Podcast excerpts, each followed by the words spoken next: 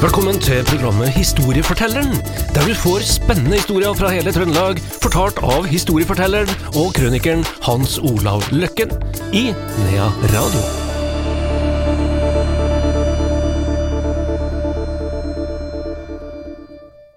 Velkommen til programmet Historiefortelleren, og velkommen til Hans Olav Løkken, vår historieforteller. Jo, takk. I dag eh, skal vi tilbake til krigen, og vi skal faktisk eh, til 1940, og vi skal til Garbergelva. Der gikk det ei bru, og eh, det er da ramma omkring det som senere er blitt kalt Kampene ved Garberg bro. Vær så god, Hans Olav. Her er det mange historier, Her er det mange avarter, og det er helt normalt. og det er mange tall. Mange tall, Mange det er også helt normalt. Det er det. Og vi er jo slik som mennesker, vi blir noen enorme helter, de fleste av oss. Jeg er ikke noe likere enn andre. Du, du, du, du popper opp ting. Jeg kommer fra Gudbrandsdalen. Det største slaget og begivenheten i Gudbrandsdalen, det er jo Prillarguri. Ja. Nedpå. Ja. Og Sinklar. Verken en Sinklar eller Prillarguri antagelig eksistert, men det sier vi aldri. Vi, vi står på. Og alle har ligget i samme senga som en Sinklar, og det er vi vokst opp med, og slik skal det være, Andreas. Ja. Det må kamper- være det. Men det har vært kamper ved Garberg Men det har vært kamper. Men vi skal gå først til 21. februar da, i 1940. Da eh, klokka tolv så sitter han eh, general eh, von Falkenhorst. Han var jo da sjef for det tyske angrepet på Norge og han døde i 1968. Han er da i møte med Hitler i rikskanselliet i Berlin, og da får han fem timer på seg for å legge fram en plan om å ta Norge. Fem timer fikk han. Ja, så han går da ut i Berlins gater, kjøper seg en eh, reisehåndbok, og eh, begynner å lese seg opp på Norge. Og Da heter det seg at eh, forberedelsene skulle være avslutta 10. mars, og invasjonen satt den til 15. mars. Det skjedde jo da selvfølgelig ikke, de kom jo den 9. og 10. da. Men det her er selvfølgelig av bedre fortellerkunst eller kanskje realitet, da, men det viser vel at denne historia her viser vel hvordan tyskerne så på en såkalt eventuelt motstand. Og eh, de bestemte seg vel for å konsentrere seg om en to-tre flyplasser i Norge, og kanskje noen få byer, men dalstråka innafor, som det het i værmeldinga når vi vokste opp, var det ingen som brydde seg noe særlig om. Og Selbu, for eksempel, var vel omtrent ikke på kartet før litt senere. For da kom tyskerne, og så sa de vi skal ha seks flyplasser i Midt-Norge, blant annet i Selbu. Så Selbu ble plukka ut til å bli storflyplass på den her berømte øya hvor dere har festival hvert, år. Men så var det det her med Garberg bro da, og det slaget. Det begynner jo i og for seg med at, eh, at det hadde tatt seg noen noe tyskere, det var jo østerrikere, og det er også ganske viktig poeng at det var østerrikere, da, fra Frigården da, og mot uh, Selbu. De hadde da uh, sendt noen fortropper blant annet, og det var da en sånn uh, motorsykkel med sidevogn som hadde som oppdrag da å kutte litt telefonledninger etc., etc. De kommer da ved Granby. Samtidig så kommer da kjørende en bil med en eh, Oskar uh, Fuglem. Om det var han som kjørte eller ikke, det vet vi ikke, men uh, han kom jo kjørende, da, og om bord så var da han eh, Henry Sørensen, da, som da eh, ble det eneste offeret på mange måter. Han ble jo da skutt akkurat i den eh, trefningen. Det var da to svensker som var i lag med han. Så har man jo diskutert det her, opp og ned, eh, hvem som kjørte bilen, eh, det vet vi ikke, men altså eh, den eh, ene som satt eh, på den motorsykkelen, han har vel da mer eller mindre gjort tegn for at de skulle stanse, og det gjorde de da ikke, da, og da åpna han ild, og da ble han Sørensen truffet, og døde vel mer eller mindre momentant da. Eh, ved analyse av de tyskerne som omkom, etc., etc., så har vi jo da funnet ut hvem som skjøt han Henry Sørensen. Han het uh, Georg Flashman. Der, for han ble da nemlig drept etterpå. For at etter at han hadde fyra skudd mot bilen, og bilen havna i grøfta, så nærmer han seg, ikke sant, mot bilen, og blir da skutt når han skal titte inn i bilen av de som satt i bilen, uten at vi vet hvem det er. Det står jo en plass hvem som skjøt, men det kan vi jo hoppe over, da. Så er det det som er interessant med, med, med, med også oppstarten, er jo at jeg nevnte jo at det var svensker som satt i bilen. Og det her er utrolig interessant, for det er jo en av de få slagene, kanskje det eneste, som var ledet av svensker. For eh, det kom jo eh, noen svensker over svenskegrensen, det var altså eh, 36 stykker som kom inn da mot Røros, samtidig som det kommer beskjed fra den norske legasjonen i Stockholm om at de nordmenn som har kommet oppover Østerdalen, skulle legge ned våpenet, de kunne tas inn i Sverige. Så her tar det, og det er, nå snakker vi om over 200 nordmenn, som går fra Røros, Brekken og skal inn i Sverige, og så møter de 36 svensker på vei fra Sverige inn i Norge som skal kjøpe. Motsatt vei. Ja, motsatt vei. Ja. Hæ? Du ser litt, Det er nesten sånn tragikomisk i, i hele situasjonen. Den der beskjeden fra legasjonen, da, den ble lest opp, den. Så dermed så var det noen av svenskene som snudde, og ble med nordmenn inn i Sverige, da. Og fulgte den, skal vi si, den ordren da fra den såkalte myndighetene, da, som står her. Så han eh, Men Tolton ble med. En av de få offiserene som har kommet opp på Østerdalen. Han het Fyrvald, var krigsskoleutdanna, løytnant, student nå på eh, NTH. Han hadde, som, hadde ikke tenkt oss å gå inn i Sverige, han. Han skulle prøve å søke kontakt med andre og ville fortsette kampen, da. Og det ville de tolv svenskene òg. Så da går de altså på ski fra Røros over til Tydalen, og det brukte de tre dager på, for svenskene var så enormt dårlige til å gå på ski, står det. Så det har jeg da fått skrevet ned med store bokstaver. Da, de brukte visstnok tre dager til Tydalen. Og han herre Fyrvald er en interessant personlighet. Fordi at han blir da på mange måter leder for denne gjengen, og han kjører da på en rekognoseringstur etter at han Henry Sørensen hadde blitt skutt, da, det som skjer ved Granby. Han setter av to selbygg, og så kjører han over Garbergbrua og kjører mot de tyske tropper, og der forsvinner han på mange måter ut av Selbu. Det er altså et litt mysterium. Hva skjedde med Fyrvald? Det vi vet, er jo at han i ettertid dukka opp i Sverige. Han skulle prøve å komme seg til England, og det gikk ikke noe særlig bra, for flyet forsvant i Nordsjøen, og han omkom da eh, i det havariet. Og den herre Fyrvold-familien, eh, den kjenner jeg ganske bra til. Jeg kjenner veldig godt uh, uh, søstera, da, og søstera har ei datter som eh, Louise Dedicken Bastviken. Hun ble utnevnt til Norges første admiral i 2008, og det skapte bølger uh, så store som aldri vært i Norge når det gjelder forbigåelser. Det havna til og med helt opp i Høyesterett. Og Jeg har lest rapporten, og jeg kjenner godt han som ble forbigått, og hun hadde alle mot seg i gåseøynene, det er ikke noe å legge skjul på, det er ikke redd for å si.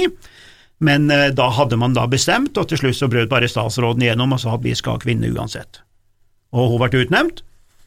Hun er vel skilt og er vel nå gift med bror til Mette-Marit. Og det er jo en sak som fortsatt vandrer litt i Forsvaret, som eh, et eksempel på hvordan det ikke skal gjøres, da. Her. Men den familien der, sa Fyrvald, eh, har prøvd å få på en måte en litt oppreisning, med basis i den mystikken at han Fyrvald forsvant. Og han Fyrvald han hadde fortalt broren sin, Reidar, at han var tatt til fange av tyskerne, men at han nekta å undertegne overgivelsen, sånn som de på Hegra gjorde. For de som var på Hegra, måtte jo da undertegne at de aldri skulle reise våpen mot Tyskland. Men han nekta visstnok det, signa ikke under, og dermed så berga familien litt av skal vi si, sitt familierenommé. da. Her. Jo da, så, det, særlig med særbyggene, vet du. De var ikke så særlig villige til å være med på noe krig. De hadde andre ting å gjøre, Våronna og alt sånt, så de hadde vel prøvd å få med ca. 200, men det klarte de ikke. Jeg tror det var ca. 20 stykker vi fikk tak i, pluss en del lotter. Kvinnfolk her i Selbu som visstnok gjorde en bra innsats der. Så er det jo da det som skjer der, da, det er mange fortellinger, og eh, det er jo veldig mye tall. Så eh, det er bare ei bok som er skrevet om slaget ved Garberg, og det er jo Jan Rygg, da. Det, jeg syns det er en veldig bra bok. Jeg. Veldig bra bok, han har gjort det veldig ok. Odd Rygg, Odd Rygg, ja. tidligere redaktør i Selvbygget. Det var han, vet du. Ja, mm. Og han har gjort en kjempejobb der. men han har jo ikke den dokumentasjonen som vi har i dag. Derfor kan du ikke angripe de som skrev ei bok for 30–40 år siden. Andreas, det, det, går ikke an, for de sitter med en helt annen bakgrunn enn vi i dag som har vært i arkivene, og som, hvor alt er frigitt, osv.. Så, videre, og så, så han opererer jo med tall på 174 drepte, osv., osv. Svenskene som er blitt intervjuet etterpå, ja, de hadde jo ikke lov engang til å være med, for dette var norske myndigheter, og tyskerne har jo sagt at hvis tyskerne oppdaga svensker, så ville de få standrett og bli skutt på stedet, så til og med Holtermann på, på Egra festning eh, sa nei til svensker. For Han tok ikke sjansen på det. Amerikanerne sa jo nei til nordmenn og alt mulig sånn under krigen osv., for det ville bli problemer da. Og til og med svenskene, som da overtok som ledere når han her Fyrvald ble borte, de opererer med at de skjøt over og drepte over 500 tyskere. Det står jo det, det, det, det er, enorme, er enorme tall, og jeg har snakka med folk her i Selbu som har noen enorme tall. Det, er, altså det var, det var 296 tyskere totalt i Østerrike, da, i hele området, på, på, på Frigården og Stjørdal og der omkring. Så, så, det er liksom fantasien, eller jeg vil ikke akkurat si fantasien, da, men uh, heroismen har jo tatt overhånd, da. Og det er, jeg synes det er helt greit, det, at man tar i litt, da. Det er ikke noe problem med det. Men vi må holde oss til det som vi kan dokumentere. Og jeg har da funnet tre stykker, og jeg har navnet på dem her. Og det er veldig lett å analysere seg frem til det her, for vi vet hvor mange som ble drept i Ålesund, vi vet hvor mange tyskere som ble drept i hele mai. Altså, vi vet nøyaktig hvor de ble drept hen, og vi vet hvor de er gravlagt hen, 3014 stykker. Og så er det bare å analysere seg at ok, 20 ble drept ved et havari på Bud i Romsdalen, så og så mange der og der, og til slutt så står du tilbake med de hvor det står Selbu, da. Og det står tre stykker på Selbu der. Og han som kjørte den her berømte Røde Kors-bilen over den broa, hvor det var noen trefninger og at uh, snøen ble helt rød etterpå, står det i noen bøker her, da, han, uh, han overlevde jo, og han gifta seg med ei trondheimsjente, og han har jo stått fram. Han sto jo fram på 80-tallet og ble jo nesten hudfletta for at han sto fram og sa da at nå måtte nordmenn ta det litt med ro, for det var ikke noen som ble drept der og der. Da, nå kan jo selvfølgelig han være også farget av, av sin bakgrunn, så, så, vi skal være litt forsiktige. Men det er et interessant uh, slag i og med at det er ledet av svensker. Men Selbyggen, da, vet du, den var jo ikke så begeistra for alt det her.